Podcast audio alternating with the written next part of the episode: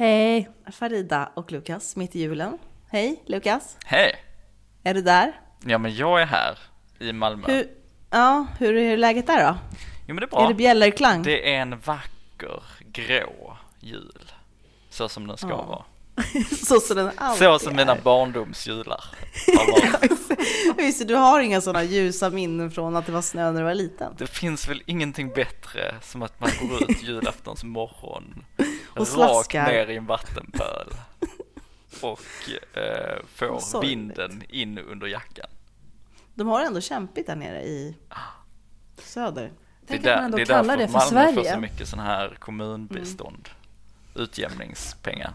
För att eh, det är egentligen biståndspengar. För antideppen eller? Mm, Ja, det är det. fattar. För antideppen. Ja men hur går ni in? snö. Ja men det är det jag menar, vad är det, vad, vad, det är det jag menar, som jag inte har sagt alltså. vad, eh, vad går ni liksom in i för mode nu när samhället stänger ner? Jul alltså. Vila. Ja. Gud vad tråkigt. Alltså, gud, alltså jag har inget att säga. Vad- du då Lukas? Ja, men jag går in i julmode, Ja du gör det ändå. vilket är ju någon form av Vila. eh, kombination av vila och eh, ångestladdad plikt. Ja just det, du som är så lojal med allting. Just det. Mm. Mm. Ja. Jag har ju kommit fram till vad jag ska ha för mode för sig. Ja. Det ska här Peter Haber-mode. Jag ska bara kolla på massa Peter Haber-filmer. Just temat. Ja, temat är du klar för. Ja men exakt. Ja, det, du kan ju ta, han har gjort mycket ju. Ja, men verkligen. Men inte Beck. Men det jag tycker det är otippat att du är, har, känner så mycket för Peter Haber. Ja, men det... Du bara, Det är barndom. tidigare ville jag bara berätta för dig Lukas att Farida bara, Peter Haber är väl ändå en av de största? Han är ju inte liten. Han är inte liten. Nej, det är han. Men kring jul, han är en julperson såklart. Han skulle kunna vara en sån som tänder eh, ljus. Ljuset Men på alltså, så här just julvärd Just det. Fast Verkligen. på TV4. Inte på SVT. Ja, just det. Han kan ju inte... Mm. På Simor. Så stor Han gör är det med liksom. bar överkropp. Ni sa ju det, att kulturen hörde julen till. Sa du? Mm. Du sa det va? Var det du som sa det? Peter. Peter Ja, det var det du sa. Haber-kulturen. Precis. Eh, julen kan ju ändå vara, det kan ju finnas tid för att ta del av kultur i alla fall. Men vi, idag ska ju vi inte beröra de små frågorna, utan vi ska ju prata om de stora kulturfrågorna. Och Lukas och ser ju verkligen beredd ut i sitt ansikte när jag säger de orden. Ja, men Nej, men jag tänkte att vi måste gå ut med en viss sorts nivå, liksom, när vi eh, räknar ut, eh, räknar ut året. Mm. Då måste man ju be- benämna kulturfrågor. Vi är inte alltid jättebra på att prata om det, eller? Vi pratar mycket om inte. så här kultur, mänsklig, mänsklig kultur, men inte liksom kultur som är en kulturprodukt, som typ en bok, en film. Mm. Jo, vi har ju haft filmklubb. Ja, precis. Året som gick. Exakt. Vi hade ju filmklubb, Men kanske för, inte var det inte förra avsnittet vi hade Ja, filmklubb? just det. Ja, Väldigt precis. Men det- kulturligt. Vi kanske inte alltid har så här kulturdebatterna. Nej, Men det är idag. Idag blir det. Idag blir det kulturavsnittet. Vi ska nämligen, jag tänkte att vi ska försöka prata lite om hur liksom kultur påverkar oss. För att det har ju varit ett eh, tema i alla fall på kultursidorna i, eh, nu i höst och i vinter. Alltså hur liksom ifall, eh, då menar jag liksom inte påverka, jag menar att vi påverkar på alla nivåer, både mentalt och liksom kroppsligen påverkar oss.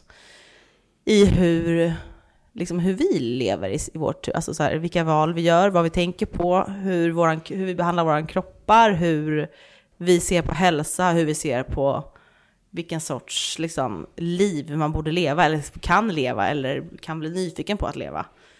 Och det är väl ändå lite in i vårt område tycker jag. Mm. Livet alltså, livsfrågor, hälsa. Det är, jag ska ge lite bakgrund till varför liksom det här dök upp för det första, är ju att eh, på kultursidorna då, både från norr till söder, har det ju varit en eh, diskussion framför allt om eh, hur våra kroppar påverkas. Alltså hur, eh, hur farlig kultur kan vara för kroppen, för vårt psyke. Liksom. Och då har det handlat, och våra kroppar, fysiska kroppar. Och då har det handlat om de här två böckerna som har kommit ut.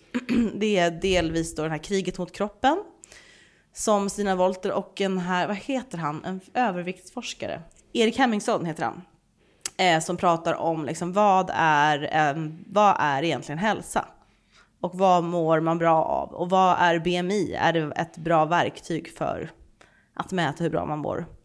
Det är liksom ena hörnet av diskussionen, eller det kanske är två parallella diskussioner faktiskt. De här har inte Om ställts mot- BMI. Liksom. Ja, men de har inte heller stått mot varandra riktigt, de här böckerna. Och den andra boken heter då Ut ur min kropp. Som är hon alltså Västerbotten, eh, tidningen Kulturpersonligheten Sara Meidel som har skrivit en bok liksom inifrån sin ätstörning kan man väl säga egentligen. Från sin anorexi som hon har levt med väldigt många år sedan barnsben. Har ni hängt med i de här, eh, i ärlighetens namn? Har ni hängt med att de här två diskussionerna har pågått? Ja. Huruvida alltså då de här produkterna är farliga för oss. Har Produkterna som böcker? Som böcker. Nej men det har jag hängt med i. Har du, gått, har du, har du liksom fått en nys av det här, Lukas? Ytterst perifert, måste jag säga. Ja, Ja, så att jag är ganska, dig? ganska eh, på, det kommer vara, det kommer vara Lukas på djupt vatten idag. vi är dina livbojar så att säga. Ja, det kommer vara en djup, djup vattenpöl som man har ramlat Som ner du i. kommer plaska omkring Ja, exakt. Ja, ja, men själen är ungefär så djup. På vissa av oss. Mm. Men i alla fall.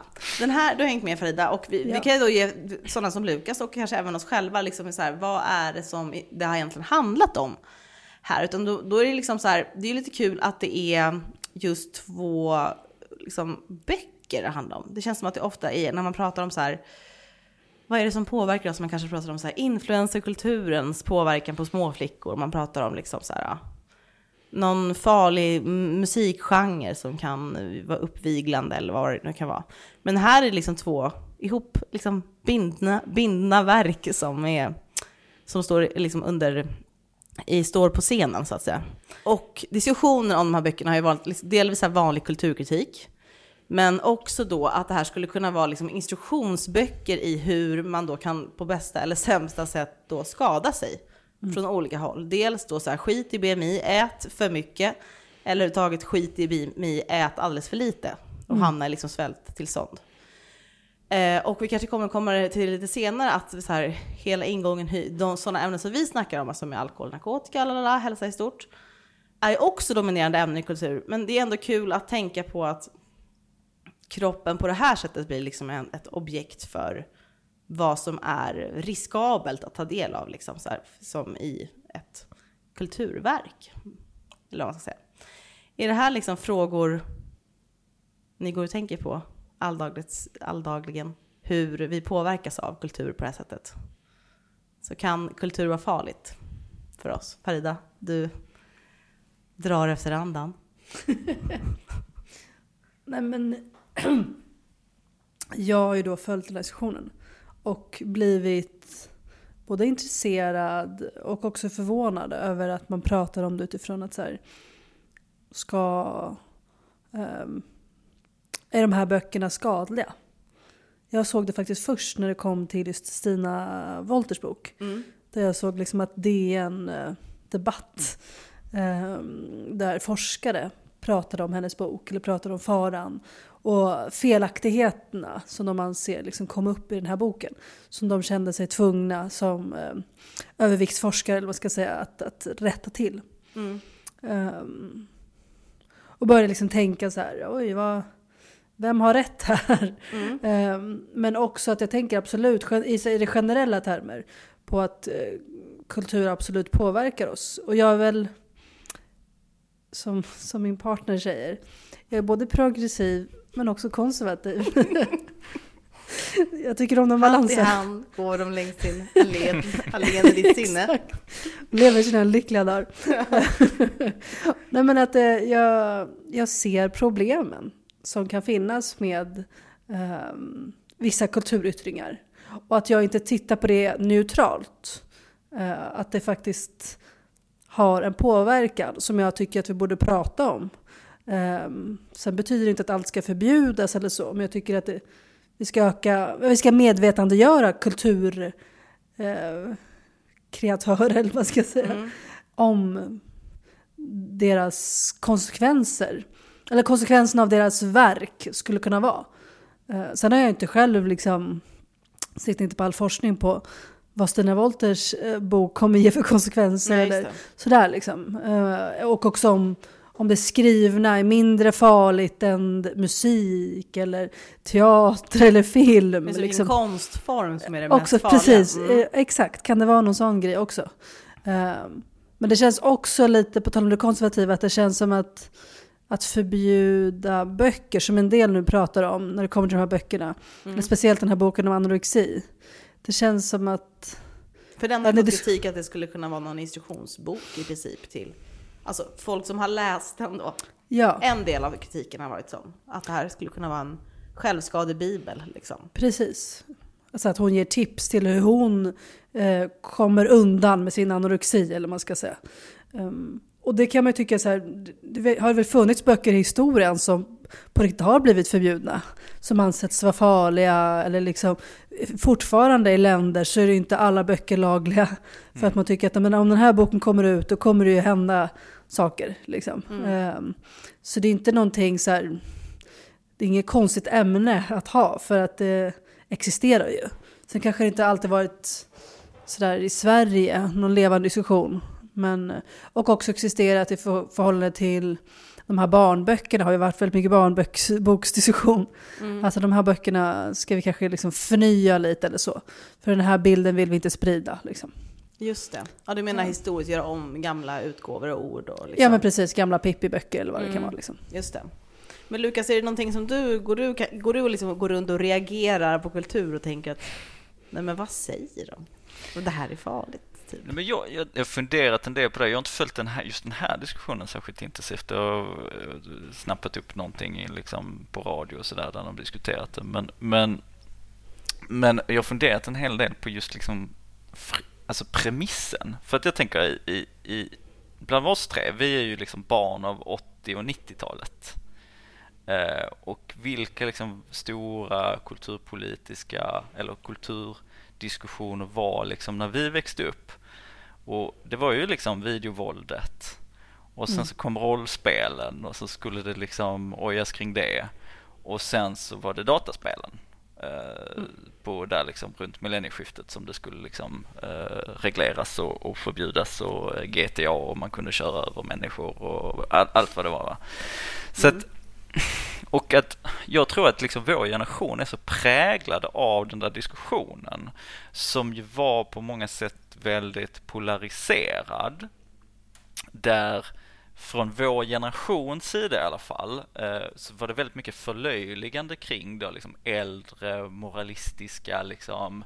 Ja, men de fattar ju inte och de tror ju på riktigt att eh, bara för att vi spelar eh, Eh, GTA eller titta på eh, liksom eh, eh, Chainsaw Massacre så, så kommer vi gå ut och mörda människor och det, det, är liksom, det är ju helt löjligt och barockt och bla bla bla och så blev det någon form av liksom ganska polariserad diskussion kring eh, huruvida folk liksom var helt dumma i huvudet eller eh, skulle gå ut och liksom mörda människor till höger och vänster.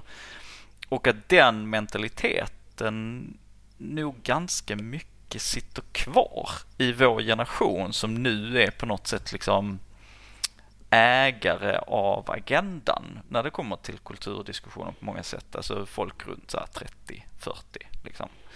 Ehm,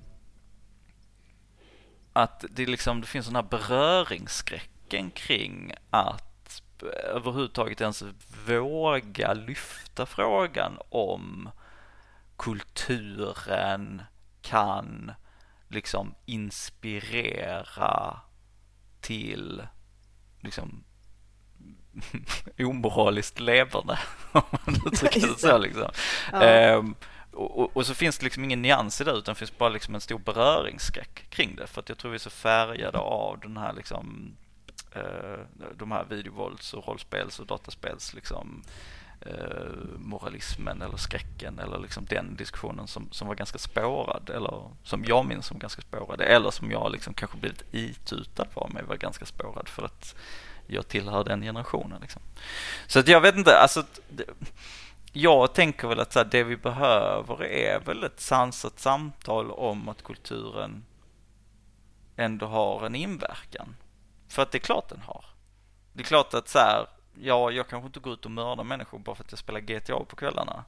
Men, men det är klart att det på något sätt ändå så öppnar upp vissa vissa beteende, öppnar upp vissa normer, gör liksom vissa saker mer tillgängliga rent psykologiskt. I, i, till exempel när vi pratar alkohol så pratar vi om att ja, fysisk tillgänglighet är, är, en sak men det finns också psykologisk tillgänglighet och social tillgänglighet, liksom andra typer av tillgänglighet. Och det är klart att så här, i vissa, kanske till och med vissa så subkulturer så så blir vissa kulturyttringar kanske öppnar upp för vissa typer av beteenden men kanske inte triggar dem men liksom gör det mer psykologiskt och kanske till och med socialt liksom, tillgängligt på ett sätt.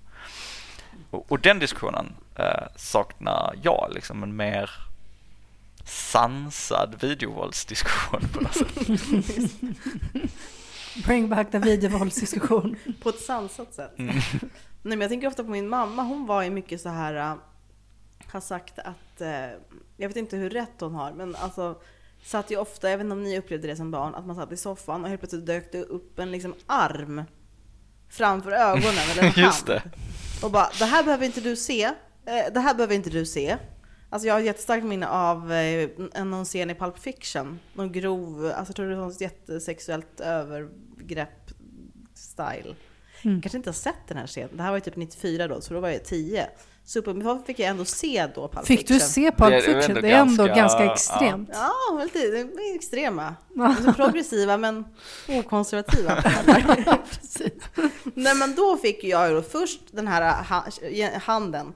Det här, nej, det här, nu behöver du inte se det här liksom, för då är det en källarscen där, jag vet inte om ni har sett. Ja, den är väldigt vidrig. Ja, den fick inte jag se och den var lång då också tror jag. Mm.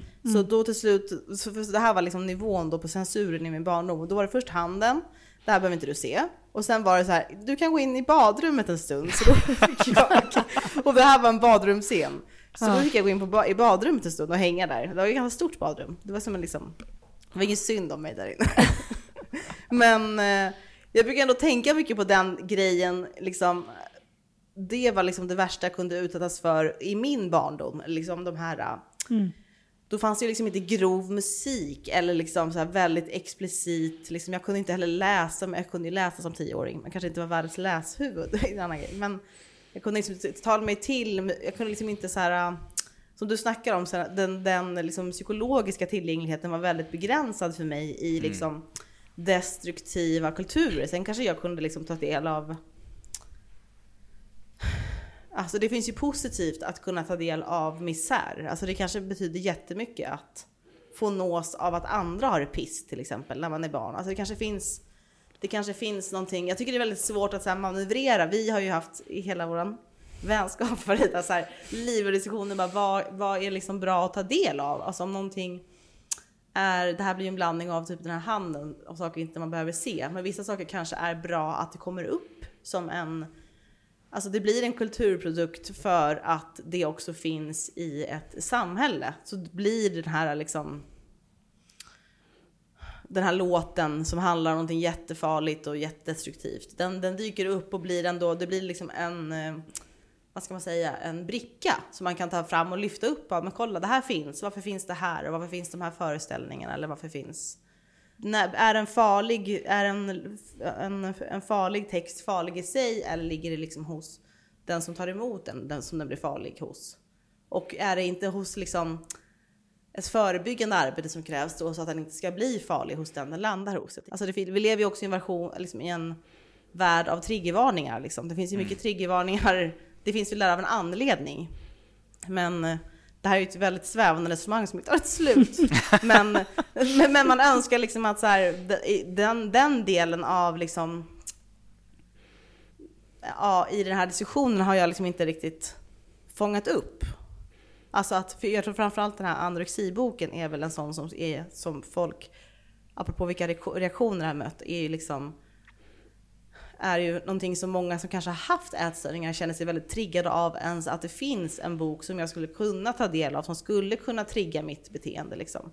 Men, men eh, det kanske man kan prata som triggers även för annat, tänker jag. An, annan, annan kultur. Det uppenbarligen finns ju triggerkulturen. Liksom. Men, men det där är ju också, alltså för att eh, du sätter ju fingret på det som är hela problemet med liksom gangsterraps diskussionen på något sätt. För där är ju ena sidan är ju liksom, men det här är en skildring av mm. ett liksom tufft liv, en marginaliserad grupp som annars inte får ta plats i samhälls, samhället eller i det offentliga samtalet.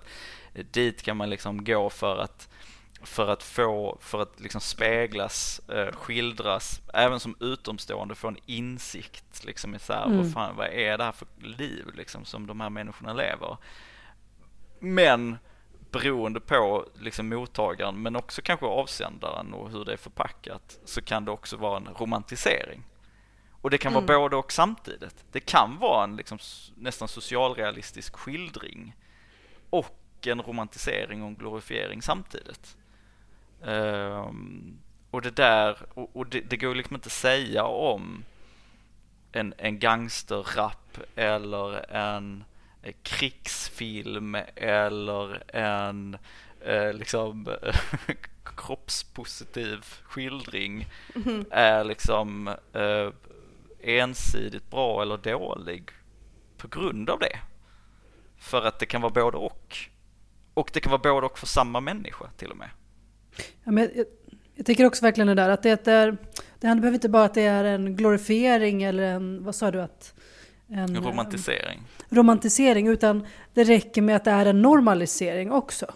Av att så här, och vilket jag tror också det är som typ i reaktion till de här böckerna, speciellt den om anorexi, att det, att det skapar um, en bild av att det här beteendet är normalt, eller det är okej, okay, eller att det det är som att en del pratar ibland om eh, självmord, att man inte ska prata om självmord så mycket i offentligheten för att det kan liksom skapa ringar på vattnet eller att det, så här, smittar. Liksom. Att det smittar. Så mm. att det, finns någon form av konsensus tror jag kring vissa att bara, det där får vi inte prata om. Ja, i media att, framförallt tror man skriver inte ens ut det. Ja, men är det inte som så? Precis. Orsak. Sen vet inte jag hur mycket, mycket belägg det finns nu för tiden av att men precis. ju mindre man pratar om någonting desto mindre tar det plats. Liksom. Men... Nej, men det är nog du som har berättat det för mig, att det just ja. är så i media. Och att, eh, och att det handlar också om att så här, eh, att se vad som är hönat och ägget. Och att man liksom i de här diskussionerna inte vill se sig själv som en del av det. Och man tänker bara, jag bara, jag bara utövar någonting, jag skriver någonting. Och så tänker man att ingen påverkas väl av det jag håller på med. Eller som att man liksom, allting som sker i samhället, eller väldigt mycket i alla fall, det kommer ju någon form av effekt. Sen är ju liksom de här cirklarna olika stora. Liksom. Men att om vi liksom skulle gå runt och bara tänka, men det är det här med hur mycket man ska fokusera på individens beteende eller ja, vi måste lägga fokus på politiken eller företagen, det är de vi ska påverka. Vi ska inte prata om hur människor beter sig eller liksom moralisera kring det. Det är liksom helt fel strategi.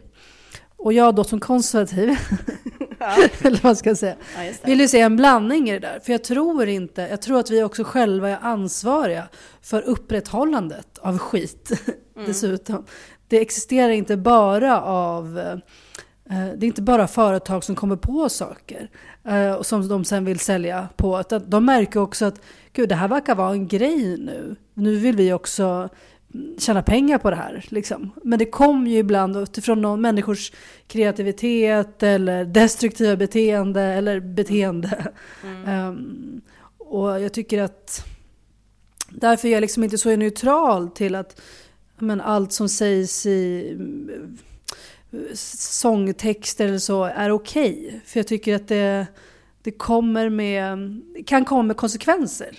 Men känner du att du också skulle vilja liksom så handgripligen gå in i sånt då? Eller tycker du bara att det där borde liksom belysas mer och tas upp i en diskussion? Eller kan du känna så här, nej men det här armlängds avståndet som man ändå typ har hittills i alla fall någorlunda ja. haft någon tradition av i Sverige. Jag kan ta ett exempel från en helt annan sektor som på, på något sätt liksom gör det här väldigt tydligt, alltså den frågan ja. du ställer Kerstin. För att det är så svårt tycker jag att ta en kulturpolitisk diskussion för då blir det så himla, nej men kulturen ska vara fri och det ska vara armlängds avstånd och det, det är på något sätt liksom eh, det, det, det, går inte att rucka på, det är liksom heligt. Men jag fick, eh, för, jag, för, för, några veckor sedan här så fick jag berättat för mig om en skola eh, som hade Eh, där, eh, om det var Centerpartiets ungdomsförbund som hade ett bokbord där då.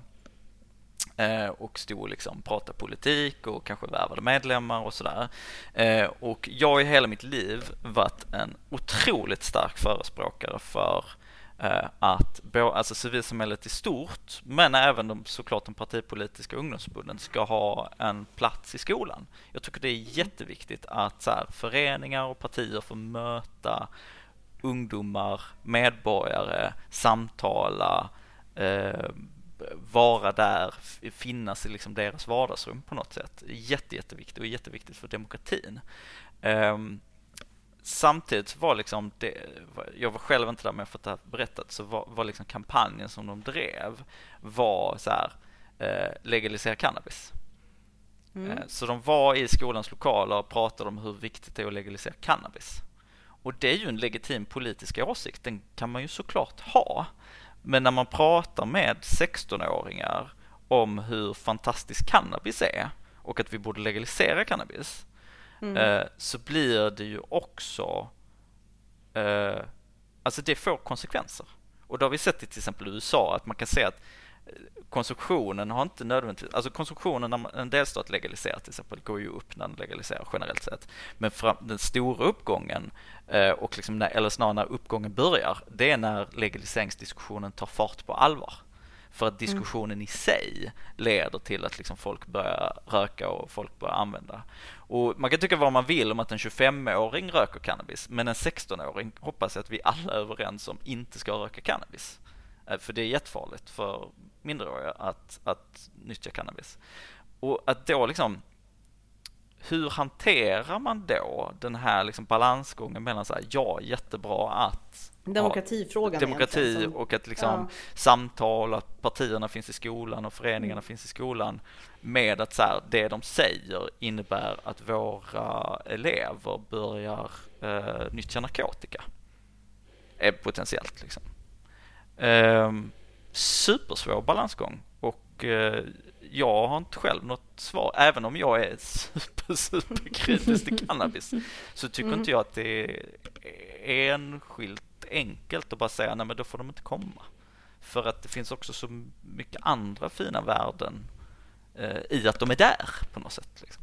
Ja, men jag tycker det är ungefär lika svårt faktiskt, för att det blir liksom som man är, man är ju en del av det som man vill begränsa, eller man, säger, man är ju en del av det som kanske skulle, som man, om man börjar prata om, om att man skulle begränsa till exempel då vad man skulle få för uttrycka som ungdomsparti liksom i ett land. Då, då börjar man också prata om vad man kanske skulle begränsa som att få uttrycka sig i stort. Och då börjar man också begränsa sig själv och sin egen yttrandefrihet. Alltså det blir liksom det är väl det som är svårt med kultur och demokratifrågor överlag. Alltså det här är ju en icke-mening, men jag menar det är ju, en demokrati är ju vi. Liksom. Och kultur är ju inte någonting, någonting vi får, utan vi är ju vår kultur. Vi är kultur, alltså vi är våra uttryck. Mm. Jag vet inte, om, om Centerpartiet eh, SUF står där då och proklamerar sin cannabisåsikt, då kanske man vill ha ett, då, då tänker jag om jag vore förälder då, så kanske det skulle vara svårt för mig att så begränsa, bara, de får aldrig komma hit igen, de får inte, ska, man, ska de komma hit då får de prata om omsorg, skola, vård, alltså så kan man ju inte heller liksom bedriva det. Men det man skulle önska ju var att det fanns ett samhälle runt omkring som bara, vi är beredd när frågor som rör våra unga, som de är intresserade av, när sånt dyker upp, eller när vi, vi är beredda när någon tar del av en jätteglorifierande bild av hur det är att tjäna jättesnabba pengar på att sälja narkotika. Vi är beredda att typ prata om det. Alltså förstår ni? Den tänker jag är väl liksom... Och det är väl ett levande kulturklimat eller levande demokratiklimat. Men att man känner att man finns, finns en vuxenvärld som inte duckar för att prata med unga eller prata om saker som kanske inte är så rumsrena liksom. Eller? Jag vet inte. Nej, men alltså, jag tycker att, så här, att, att alltså jag vill ju hellre leva i ett samhälle där vi inte har så mycket begränsningar kring vad vi får säga liksom och sådär. För det här, alltså hur vi liksom med kulturen får yttra oss och sådär.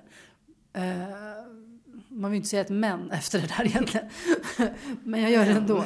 Men det, det, det jag tycker att det är ändå att, att det är väldigt olika i olika länder. I vissa länder så är det mer religionen som styr. Och utifrån den så säger man, och då ska vi censurera det här eller då ska vi begränsa det här.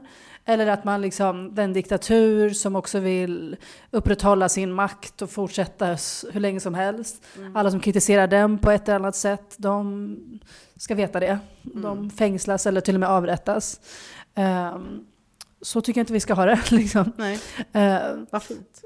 vad fint, visst är jag en bra människa? Ja, verkligen.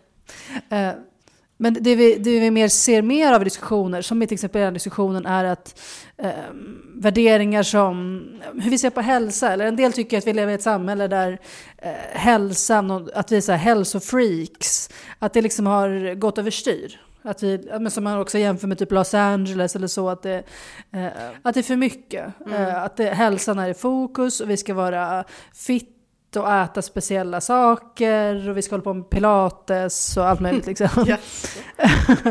um, och då, kanske det, då är det liksom mer det narrativet som styr. Att, okay, ifall det är någonting som är ohälsosamt så kan myndigheter till och med eller andra säga att så här, det här det här kanske inte är så okej ifall den här bilden sprids eller liksom, um, ifall man skapar kultur på det här sättet. Liksom att, där tycker jag i Sverige att man i alla fall mer kan höra så här, ett varningens finger när det kommer till destruktivt så här, hälsobeteende. Liksom.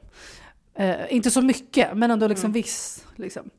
Um, och jag tycker att jag skulle nog vilja ha mer av det. Alltså inte att så här, myndighet säger till kring allt möjligt liksom.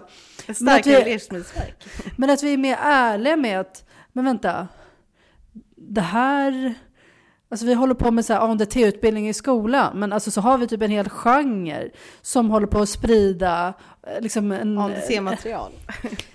annat ANDT-material ja. kan vi säga. Eh, som är ganska destruktivt och som beskriver så här, allt ifrån så här självskadebeteende till att eh, man är cool om man röker på eller vad som helst. Liksom. Mm. Och så ska det bara det låta det passera. Så ska vi fortsätta med våra ANDT-arbete i skolan. Och vem bedriver vi med? Alltså vad är det för skämt? vad, kommer, vad kommer det ha för effekt? Mm. Liksom? Um, jag tycker att vi liksom måste vara ärliga med att säga, men hallå vad är det här för musik? Och det handlar inte bara om det, utan jag vet inte om du kommer komma in på det eller inte, men vi vet ju att det är, vi vet ju hur det brukar sluta för de här uh, olika kulturutövarna.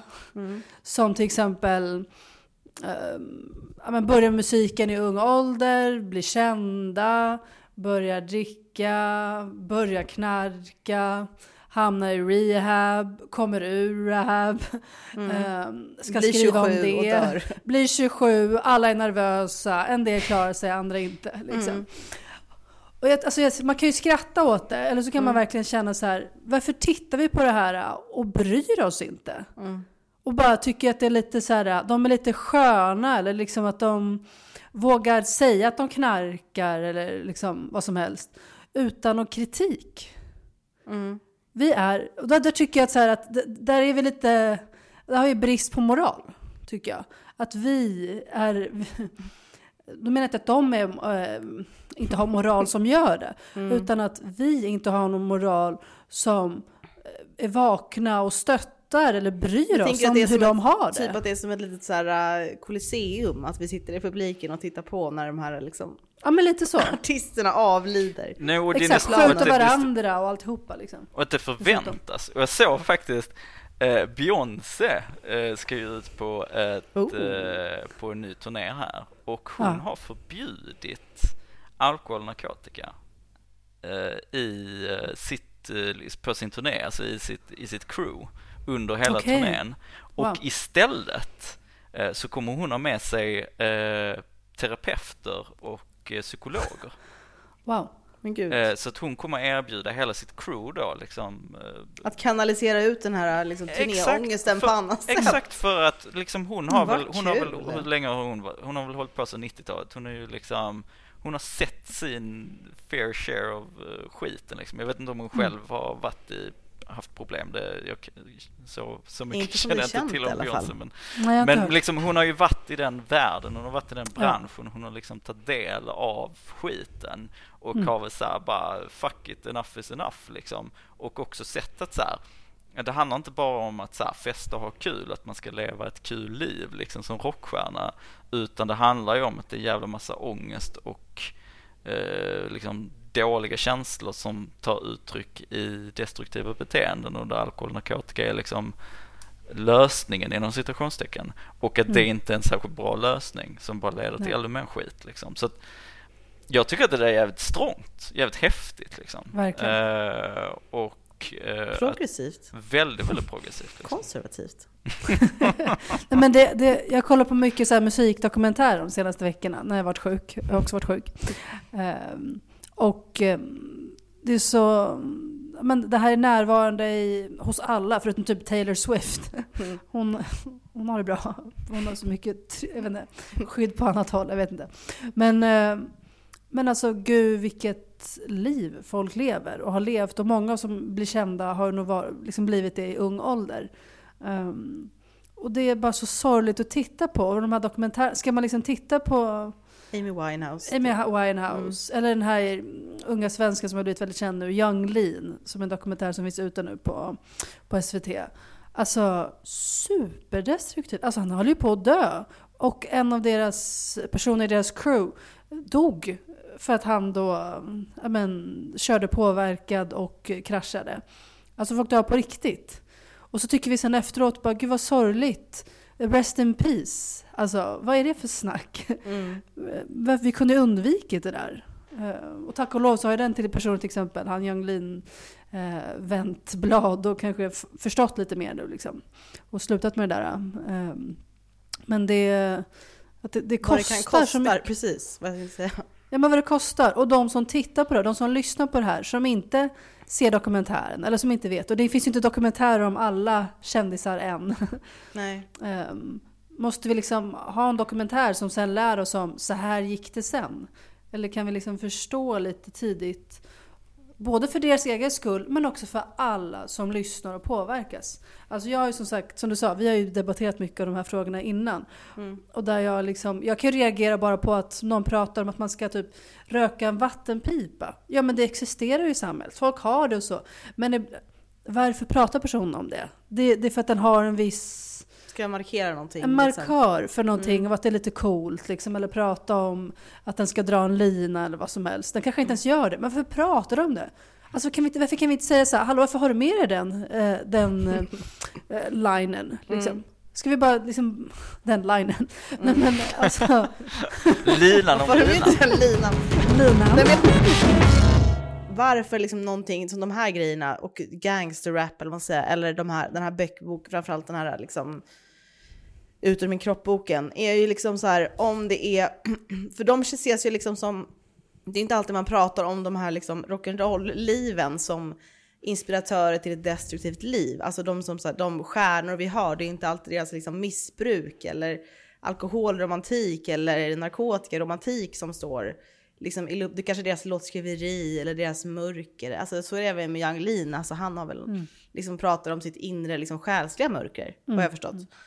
Eh, men det som skiljer ut de här produkterna är väl liksom så här bristen på ett liksom lyckligt slut i själva produkten. Alltså så här, det, det, slutar, det slutar inte med den här anorexiboken, det slutar inte med att hon tillfrisknar, sitter på något café, Espresso House och tagit en chokladboll och ser ut över och bara tänk nu är jag som er andra och nu kan jag äta. Liksom. Det slutar inte så, hon är fortfarande sjuk.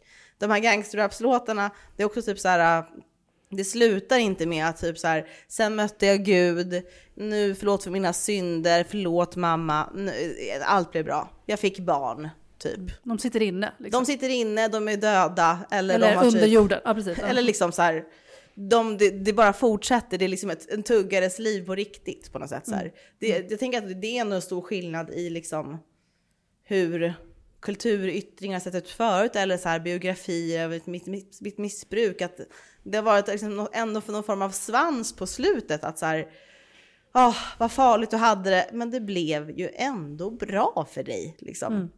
Och då väger de här erfarenheterna inte lika, då kanske det är så här, jaha du var nazist men nu har du kommit ut på andra sidan. Då är det här med att du var nazist, det är inte så farligt längre för oss liksom. Eller att du har tagit jättemycket narkotika, det är liksom inte så här, det, det, du är över hos oss andra nu liksom. På den goda sidan. Liksom. På den goda sidan. Men, ju- men just så här, liksom kulturprodukter eller någonting som är inte slutar inte lyckligt. Inte ens för den som är i det. Är, det, det, det kanske är det som särskiljer varför det känns ännu mer varför det upplevs som ännu mer farligt och varför det liksom... För er som kanske hör en hund som skäller så är det faktiskt en hund som skäller. Ja. nej, men, det, men grejen med det är också att så här, en del av de här dock, eh, det kan ju både vara böcker och så, alltså, alltså böcker de fortsätter ju existera. Ja, Men personer kan ju ha förändrat sitt liv, men det vet ju inte den som kanske läser det alltid. Eller nej. Eh, samma sak med musik. Ja. Många av de här kända, som till exempel Yung Lean.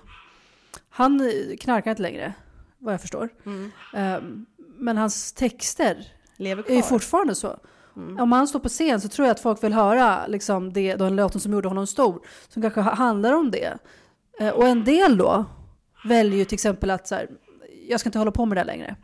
Jag kan inte sjunga de här texterna längre, eller jag kan inte, ja, men som en del av de här, eh, den här eh, gangsterrapparna som de kallas, har ju valt att ta bort sin musik helt, för de kan inte stå för den musiken längre. Mm. Det tycker jag är ganska strångt. Alltså sen kanske det har andra mm, rastrer i varför man har gjort det där. Ja. Men, men det, det säger också att så här, nej men det här vill inte jag ska vara uppe och eh, men normalisera någonting som jag har kommit ifrån. Och att det ska spridas så att unga ska lyssna på det här och tycka att det är ballt. För att jag säger liksom eh, skjut honom i ryggen eller vad som helst. Mm. Eh, det är någonting annat liksom. Då har man ju också passerat, även om man, så för en del av dem har ju slutat kanske liksom. Men texterna finns ju kvar. Mm. Och vad, vad, betyder det, liksom? Mm. Det finns ju, jag vet inte om du har sett eh, Lukas och Farida, du kan ha sett. Så går. Eh, på Uppdrag granskning har släppt en sån här tredelad serie om, som heter Topplistans 100 gubbar. Som handlar just om eh, en kille, eller man får följa, det handlar inte om en kille, men det handlar om gangsterrappens födelse. Vad, vad, vad är kontexten för det? Och man får följa en av de här snubbarna då som hoppar av eh, och typ eh, försöker eh, liksom vända på sitt liv. Han får någon dräpande replik av sin mamma om att de här liksom, låtarna kommer följa dig i graven. Och även fast du blir skjuten eller om du dör på något sätt, de här kommer överleva dig de här låtarna. Och gör precis så här. Den, är- den är ju jätte, den är ju en bra serie, en tredjedelad serie. Eh, för att han såg liksom, man tänker också det är kul när liksom, apropå författaransvar eller liksom skaparansvar, så är det kul att se någon som tänker att det finns väldigt mycket sprängkraft i, sin, i sitt Ja. uttryck. Liksom. Ja. Och att liksom... Sen tycker jag, så, apropå att vi inte kommer till, fram till så här raka svar i här i diskussionen, men är ju liksom så här, det är ju också svårt att säga vad den där sprängkraften innebär. Liksom. Det är ju också en form av liksom... Ja, det är ju ett uttryck för någonting som finns. Och då kanske det är bra att det, har funnits ett uttryck för det. Rent eh, liksom dokumentärt kan man ju säga så här. Men en del säger ju i den dokumentären till exempel att den här musiken kanske har lett till att fler kommer in i den här världen eller liksom att, att så här, ju fler, fler låtar och artister som kommit ut ju fler mord det har varit. Liksom, och så här. Du vet inte exakt om det är så, Mm. liksom, men att, att de själva liksom beskriver som att även en person från eh, Kartellen som är med, som har varit med och tagit in den här typen av musik till Sverige, som har suttit, som suttit inne i 15 år för anstiftan till mord. Mm. Eh, han kritiserar också en ny typ av sån uh, rap som har kommit som är ännu mer våldsam. Och så här bara, det här, kan, det här är inte bra. Den här, är farlig, den här musiken är farlig, säger han själv. Liksom. Att Mm. den, här, den här kommer inte med någonting positivt. Liksom. Eh, och då kanske han fortfarande också var kritisk mot den andra. Liksom. Och han var ju själv chockad över att den var så normaliserad. Så här, men gud, de här videorna är väldigt grova och texterna är extremt grova. De pratar om brott som de har gjort. Eller så här, man kan ju liksom följa olika... Vapen också. Vad sa du? Man kan ju följa också va- använda vapen i de där Ja men exakt. videorna. Mm. Precis. Ehm, och för att de blottar och berättar om de här sakerna. Liksom. Och även han då som ändå har varit med och tagit hit det själv ja, men kanske tycker om den här musiken och också så här kritisk till att men det, det finns gränser. Liksom. Det här är Ja. inte så bra. Och då även då den här unga killen då som har valt att hoppa av det här och bara, ja, men så vars mamma säger att ja, men, ja, du har en miljon lyssningar men det är liksom en miljon synder. Liksom, kan du stå för det här? Men hörni ni, en annan grej som också handlar om exakt det här, som är lite mer kulturens finrum. Eller finrum, jag vet inte på vad man säger det. Följer ni Så mycket bättre? Nej. Faktiskt inte. Nej. Bara Då rubrikerna. skiter vi i det här. Nej, jag skojar. Nej men grejen är att det som är kul med Så mycket bättre tycker jag, jag brukar kolla på det. Eh, här brukar det ju vara liksom, det, det känns ju alltid lite som så här, sista måltiden-gänget på något sätt. Det är lite så här högt och lågt. Oftast typ så här, linet brukar ofta vara typ så här, några unga fräscha som gillar att festa. En halv ung person som typ har lagt av med sitt festande, som kommit ut som någon form av missbrukare men är nykter och fortfarande fräsch. Mm. Sen ett par riktigt ofräscha personer som också har haft ett missbruk men som har gått ännu längre, som har fick liksom sen hjälp, eller man säger. Sent kom ut ur missbruket.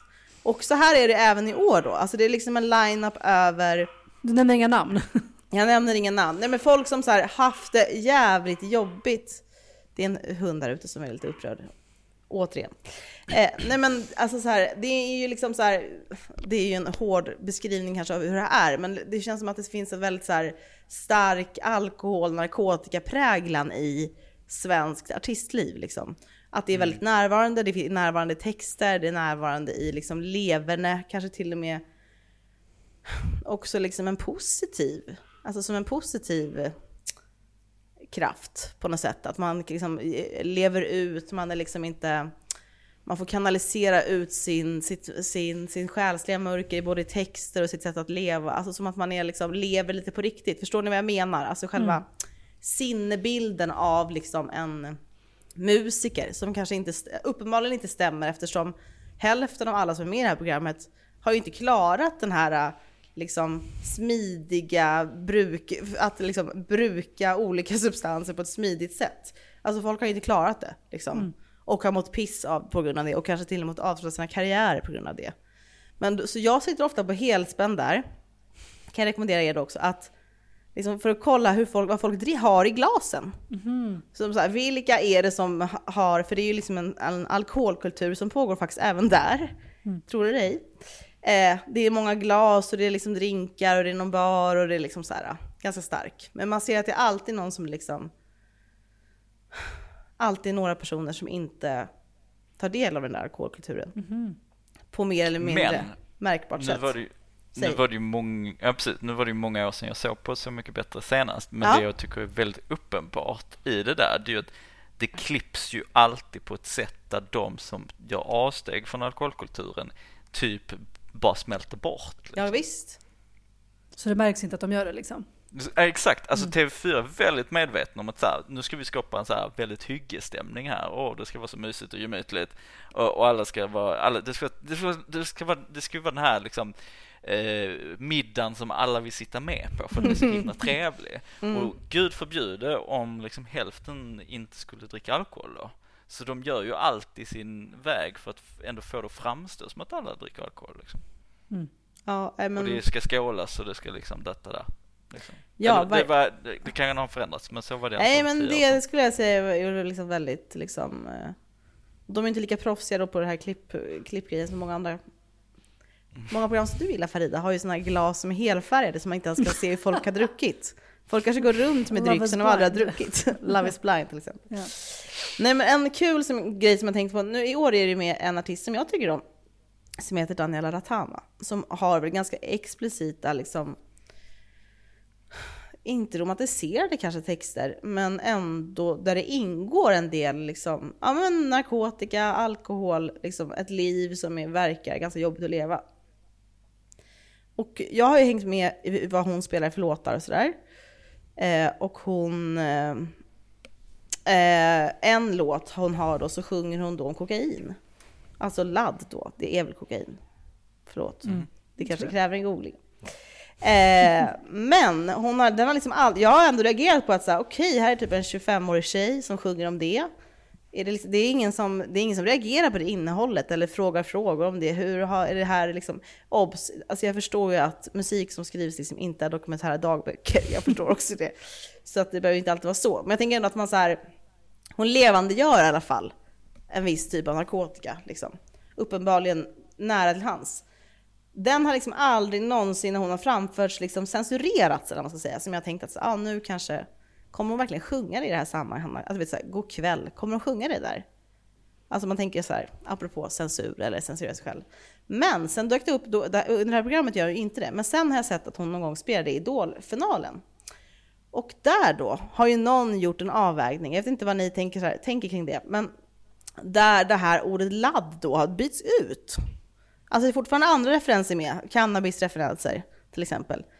Men just ordet ladd då byts ut till kaos. Så att hon tog då, det blev för mycket kaos istället för att hon tog för mycket ladd. Alltså hon tog för mycket, det blev för mycket kaos. Mm. Uppenbarligen då har man gjort en, gjort en bedömning då att den här idolpubliken, då undrar man liksom, någon har ju, apropå sprängkraft som hon, mm. han den här killen pratade om, har ju uppenbarligen tänkt att så här, det är för mycket sprängkraft i att du ska sjunga ladd på den här scenen. Mm. Folk kommer bli intresserade, vad är det? Folk kommer googla det, är det kokain? Eller vad är det du menar? Eller kan det också betyda annat? Nej, men liksom, jag tycker att det, ändå, det säger så mycket att vid ett tillfälle ändrar man. Och då berättar ju det också någonting, att man också tror på att det faktiskt kanske inte är så bra. Att, att oavsett om man kan tycka att det ska censureras eller inte, så är det ju någon som har gått in då, Peter Haber, kanske haft att dricka med i spelet. Han bara, not on my Seymour. Nej men... Um, inte mitt TV4. inte på mitt TV4, ska inte finnas knark om inte jag kan bekämpa det. Jag vet inte, det är inte en historia till liksom, som kommer gå till historieböckerna. Den här historien om hur de bytte ut det här ordet. Men det är ändå intressant att det har skett. Ja. Och har skett vid ett tillfälle, för det byts inte ut när hon kör på P3 live. Det byts inte ut i Musikhjälpen, det byts inte ut liksom i... Utan det är då på den här liksom, icke public service-kanalen som det sker. Om man hade velat veta, vem sa åt dig? Eller vem tyckte du själv att det blev helt plötsligt inte så kul att sjunga det där? Det här måste vi ta reda på. Det blir ju liksom en följetong. Skriva Men det är, det är, en intressant fråga bara. Att så här, mm. Dels är det lättare för typ eh, kommersiell tv att censurera saker än till public service? Mm. Jag vet inte. Public service är lite så försiktiga, bara, men vi kan inte hålla på och säga till artister vad de ska hålla på och sjunga. Nej. Vi får komma, hitta en annan väg liksom, än att säga åt dem och ta bort den raden.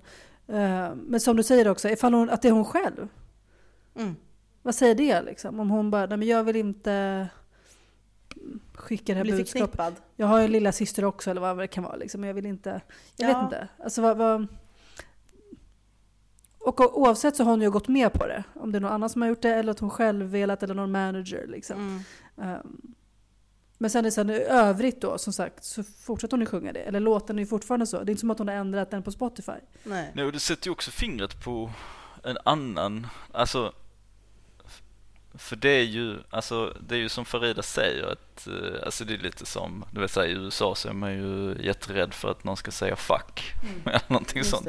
Så då kan de ju ibland så här blippa eller eh, eh, att det bara blir tyst liksom. Men det påverkar ju egentligen ingenting för själva diskursen av kulturutövandet är ju ändå typ så här ett fack. liksom.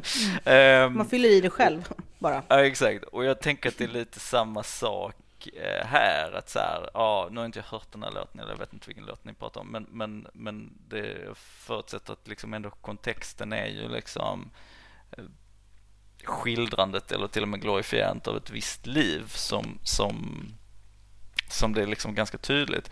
Och då, jag tänkte en del på det, att så här, 70 och 80-talet präglades ju ganska mycket av så socialrealistiska skildringar när det kom till både alkohol och narkotika. Mm.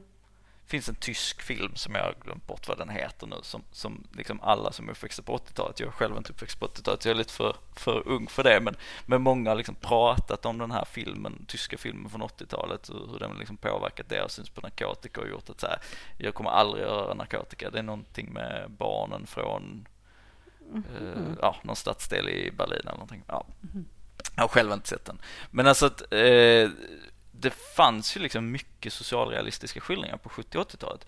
Vad var det som, vad är det som skiljer idag då som gör att eh, liksom regissörer, författare, musiker, vad det nu kan handla om, eh, i, i den tidsandan eh, valde att skildra alkohol och narkotika eh, ur ett förhållandevis negativt sken jämfört med idag när det skildras ur ett positivt sken. Även när det skildras ur ett negativt sken så skildras det liksom med de här rosa glimtrande, det är inte liksom Vilhelm Mobergs uh, Utvandrarna glasögon man sätter på sig. Alltså så. Utan det är ju ändå det här, jag är så jävla kaos uh, och uh, jag lever eh, hela livet och därför har jag pajat det med koks liksom. Alltså, Mm det, så även om det liksom på ytan verkar negativt och kritiskt så är det ändå på något sätt romantiserande och en positiv bild av, av droger som man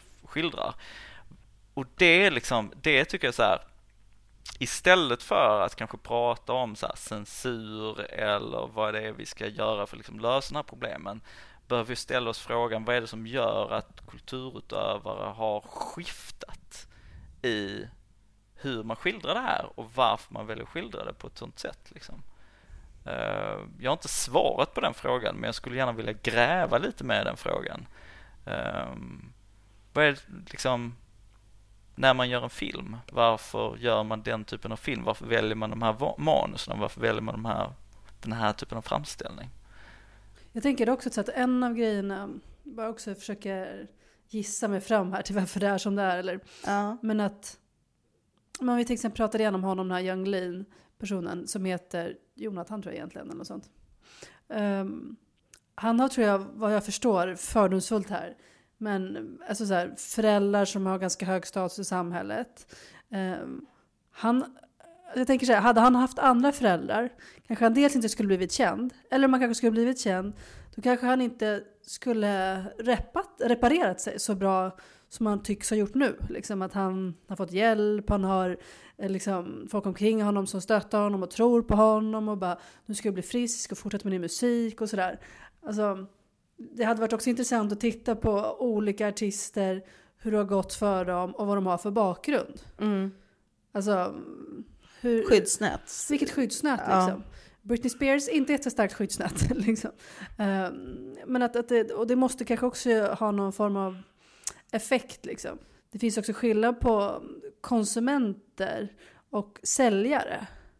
Att så här, ja men typ gangsterrappen, mer kopplat till att så här, då, den är väldigt kritiserad för de också pratar om försäljning. Och de kanske själva håller på med försäljning. De är ju själv kanske kriminella för att de då eh, är på försäljningssidan. Mm. Medan Daniela Ratana som själv berättar att hon använder droger men inte så tunga som hennes kompisar. Konsument. hon är konsument. Hon gör också någonting olagligt. Hon är också kriminell. Mm. Men ses inte som det. Hon är ju hyllad och folk älskar henne och sådär. Nu ska vi inte lägga all fokus på Ratana här. Det finns många andra också Ja, ehm, som håller på med det här. resten av dem är så mycket bättre. Alltså allihopa. Ja. Ehm, Men att, ehm, och hon verkar också ha haft ett tufft liv. Alltså, och det kanske också kommer vara avgörande för hur det kommer gå för henne sen.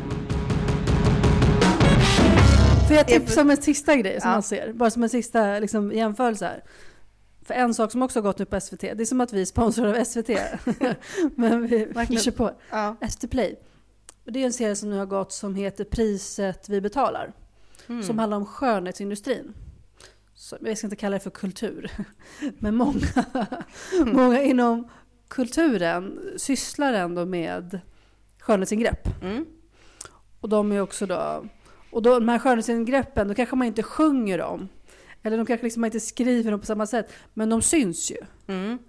Ehm, och eh, det har ju sin påverkan bara det. Att så här, någon dyker upp med dubbelt så stor rumpa eller dubbelt så stora bröst. Mm. Eller en näsa som helt plötsligt eh, var Något väldigt- annat? ja, en, en eh, skidbacke. Liksom. Ja. Från att ha varit en annan backe. Mm. Ehm, och det pratar de väldigt mycket om i den här dokumentären. Och att så här, vad har de här personerna för ansvar? Vad har de här influenserna för ansvar? Och där liksom en influencer är väldigt öppen och som också då har, varit med i Paradise Hotel, sett en del av kulturen, om man säger så. Mm. Ehm, hon säger att så här, "Nej, men jag tänkte inte så mycket på hur, hur mycket det här påverkade andra. Man bara såg sig själv som att så här, jag har dålig självkänsla, jag har, tycker att jag har för små bröst, nu vill jag ha större bröst. Och så har hon gjort så här sponsrade inlägg för olika kliniker och sådär. Liksom. Och sen förstått att bara, men gud, det gick inte så bra för mig, men jag berättar inte det för andra. Och nu kanske jag har fått andra operera sig och göra de här sakerna. Gud vad hemskt, jag ångrar att jag gjorde det här, jag borde inte ha gjort det här. Alltså folk som rannsakar sig i efterhand. Som både artisterna, Mm. de här kändisarna som känner att så här, jag har inte tagit ansvaret som jag borde ha gjort.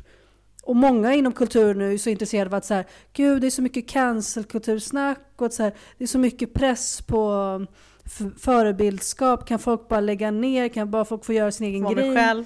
Mm. Ja, och så känn, många andra så kände sig själva säger att jag har inte varit bra. Jag har inte varit bra för er. Vad heter han den här artisten som, eh, han som blivit kristen nu?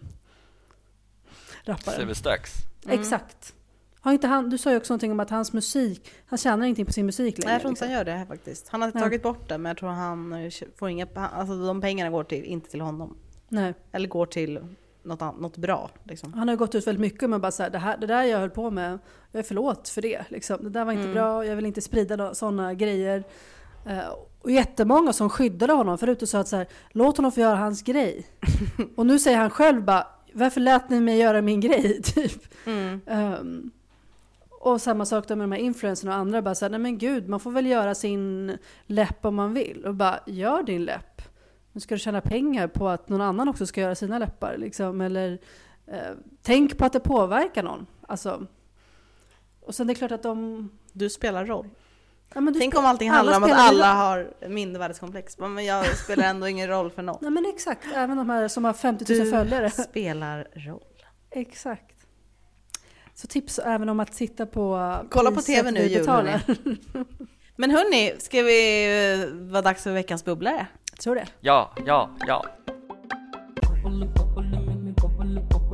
Alltså jag tänkte välja mellan två olika saker. Jag säger båda och så väljer jag den andra. Okej. Men det här med änglar. Skitsamma, jag tar en annan grej. Grejen är så här, jag eh, såg här på vårt jobb, någon hade skrivit ut en kalender från Svenska kyrkan. Har du sett den Farida? Nej. Hänger i köket.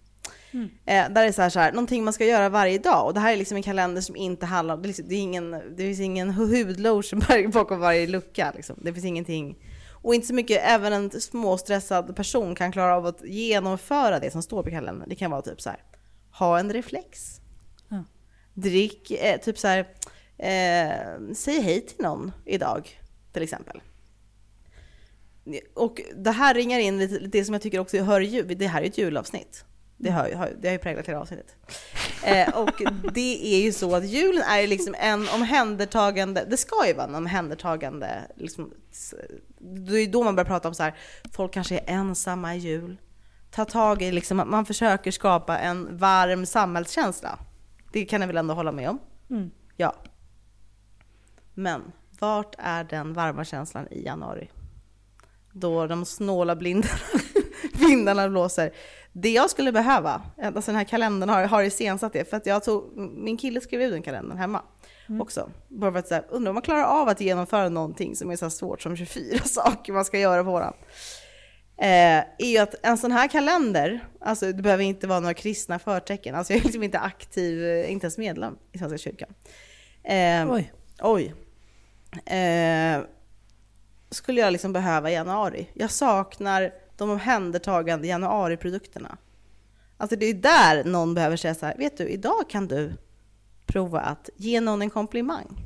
Mm. Alltså det, ja, det är liksom i januari det behövs en positiv känsla. För att på julen kan det, liksom, det är mycket som pågår där. Som att vi I got it covered på julen.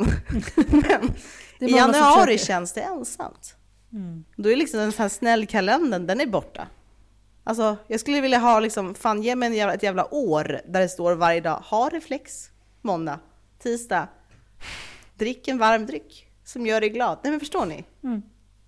Enkla liksom livsinstruktioner som ger en liten positiv... Jag vet det här med reflex, oklart hur liksom gladare man blir, men man Man överlever blir i alla väldigt glad av att inte vara påkörd. Exakt. Om grunden är döden, liksom motsatsen till döden. Men, men Kerstin, är det inte det du vill? Är det inte en rebranding av nyårslöftet?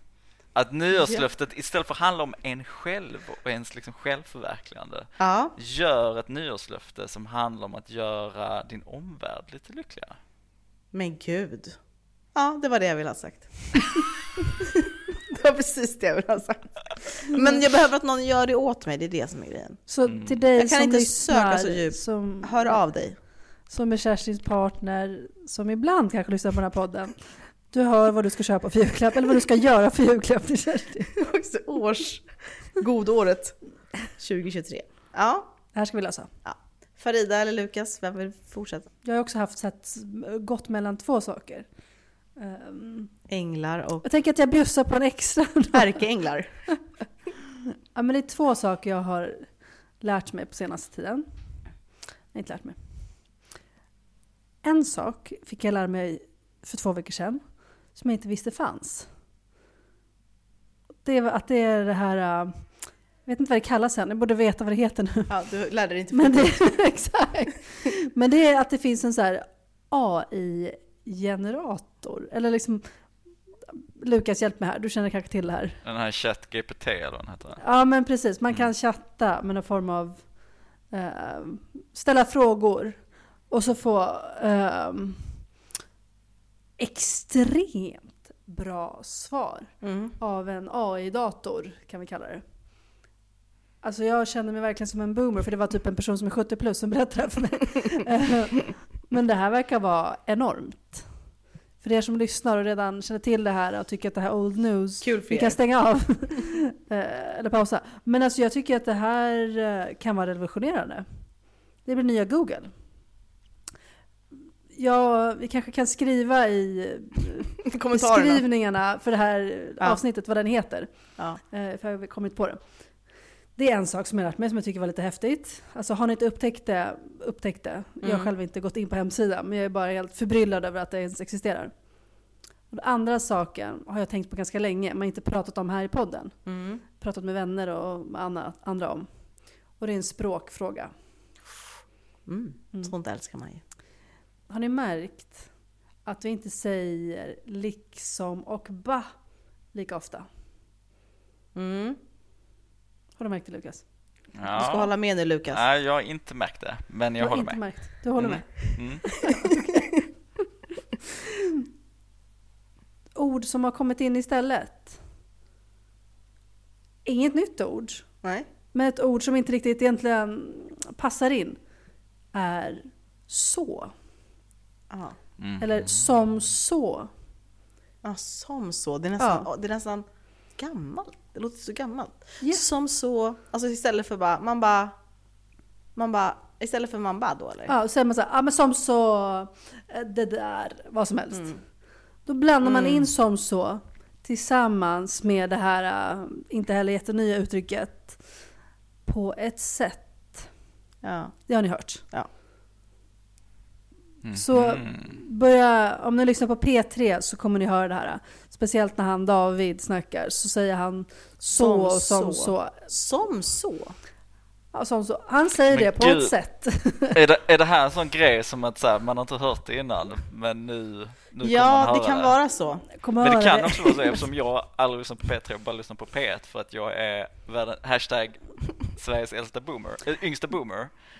Så, Till och med på så, så P1 jag kommer, har det jag kommer kommit bara in. exponeras på ba och liksom. Nej men vet du det har vad? liksom Till och med P1 har det här kommit in. Är det sant? PS, alltså på, till och med på nyheterna där. Och på liksom en av, han, eh, vad heter han, Henrik kanske? Henrik. Ja men någon av deras Ja. programledare på P1. Ja. Det finns. Säger Ja. också det. Jag känner bara, vad händer med världen? kan vi ta tillbaka bara och liksom, eller bara prata ordentligt? För så, Och som ett så. tråkigt utfyllnadsord som jag känner att jag kan leva utan. som den konservativa jävel jag är. Tack för mig. Mic drop. Men som så Luk- Lukas, hade du liksom så, som, som så eh, mycket att säga då? Nej men eh, som så, Så. eh, på ett sätt så har jag inte det liksom. Eh, Men jag skulle Ja. kunna bara uh, freestyla eller någonting. Nej men eh, min bubblare, den är, Ja. lite uppföljare, den är lite uppföljare från min förra bubblare. Och en Kommer Vi liten bot, minns ju alla. min lilla botgörelse från tidigt i det här avsnittet. Eh, Okej. För att jag inledde ju det här avsnittet med att prata om att eh, julstämning, det är någon slags blandning av eh, plikt Vila och ro. plikt. Ja. Ja. Mm, Och det stämmer väl till viss del. Men julen är också väldigt fantastisk. Jag älskar julen. Mm. det fin- jag har väldigt många positiva och varma känslor kring julen. Och en del av anledningen till att jag älskar julen är för att julen, som jag pratade om förra gången, det är en plats då man är, får lov att vara lite sentimental. Och får lov att vara lite liksom lite idealistisk och eh, det ska vara lite så här Mys. ja, men mys och lite så här, li, lite situationer som man kanske i resten av året lite kräks i munnen av. Eh, det, det är liksom, det är standard i, på julen. Matcha kläder med sin partner och sådär. Ja, nej, men det är liksom, det är mysigt och det är fint och folk ska vara snälla och goda och sådär. Ja. Och min bubblare är, vi har ju haft ganska många år som har varit ganska tuffa. Och vi har haft, också liksom utvecklat ett politiskt klimat eller ett samtalsklimat i, i det offentliga rummet och på Twitter och på eh, liksom alla sociala medier och sådär. Som är liksom, det är tufft att vara hård. Det är lite så högstadie-vibe. Så här, den som är mest cynisk vinner typ. Mm. Um, och jag vet inte vad ni känner, men jag känner så här, jag är ganska trött är på att leva i högstadiet. uh, jag, jag, vill leva, jag vill leva som vuxen. Ja. Uh, bland människor som inte söker bekräftelse från andras uh, liksom hat. Mm. utan som söker kanske bekräftelse från inre kärlek istället. Mm. Så min bubblare är 2023 det är året då vi gör upp med cynismen. Can we make it happen guys? ja, jag kan försöka. Vi kan börja här i alla fall. Vi börjar här och så bara mm. sprids det över hela världen.